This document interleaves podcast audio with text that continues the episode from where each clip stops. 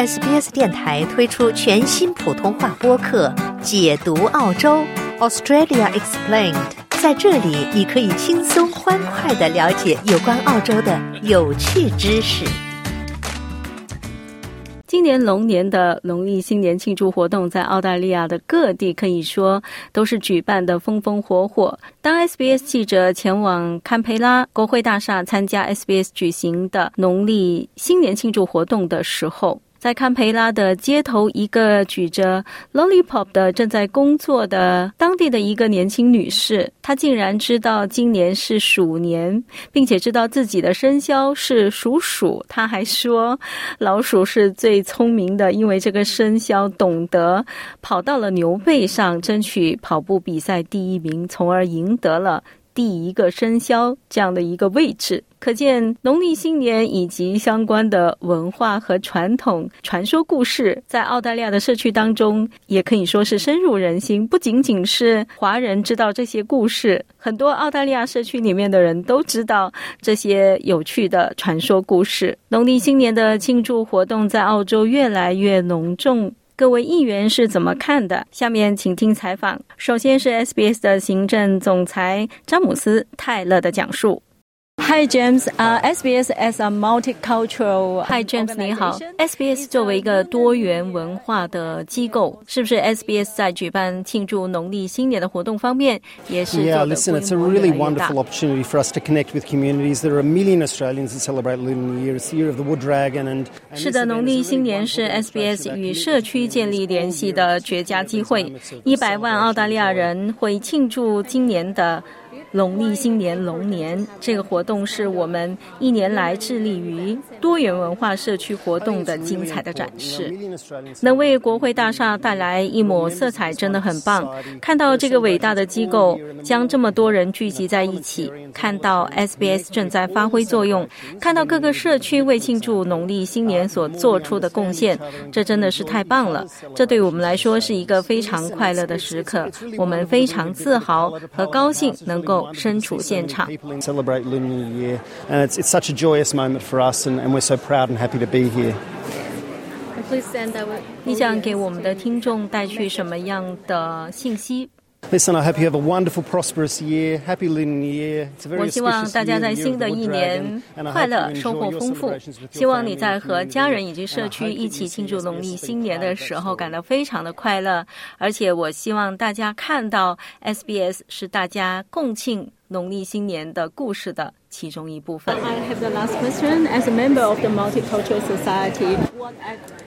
我还有一个问题，就是现场这么多的活动，品茶、书法、舞狮等等等等，你最喜欢的是哪一个？Well, you know, well, listen, it's. There's so much overwhelming color and joy with. 在现场的活动当中，我们总是可以看到如此鲜艳的色彩，如此热闹的声音。我从小在新加坡长大，农历新年是一个非常隆重且让人喜悦的佳节，我对这个日子有很深的感情。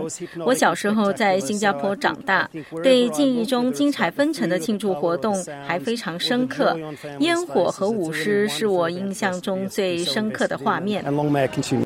Sing Quaylang.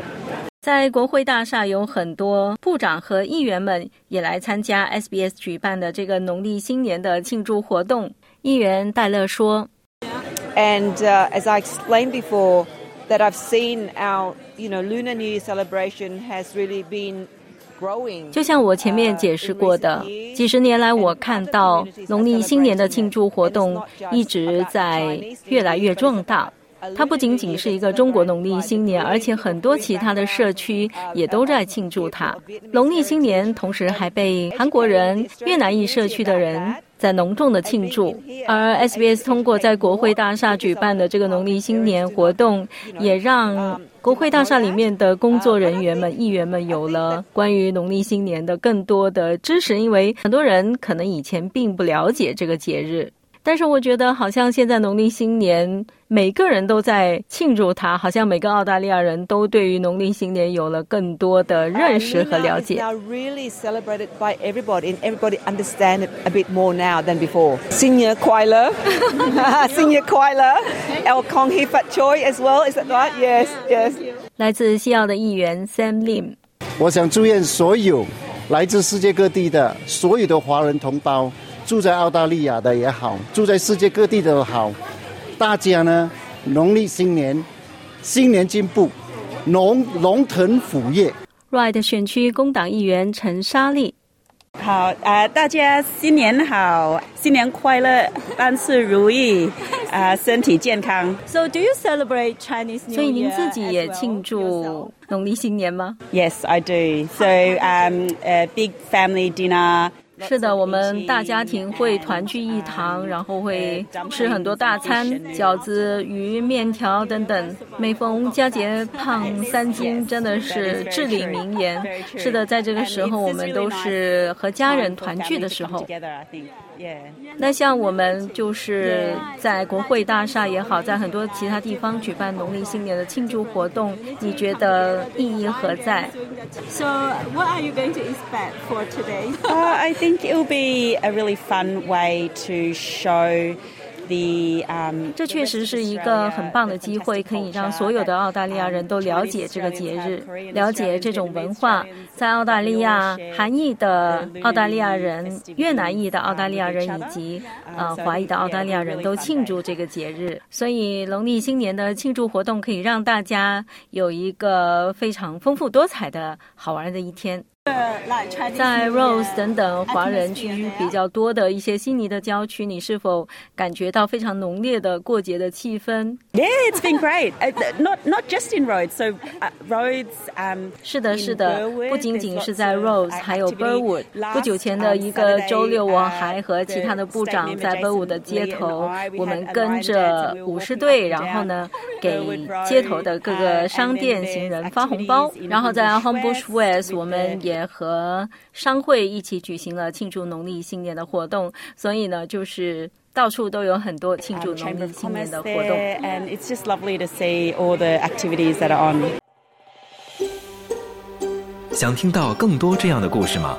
您可以通过苹果播客、谷歌播客、Spotify 或者您喜爱的方式下载收听。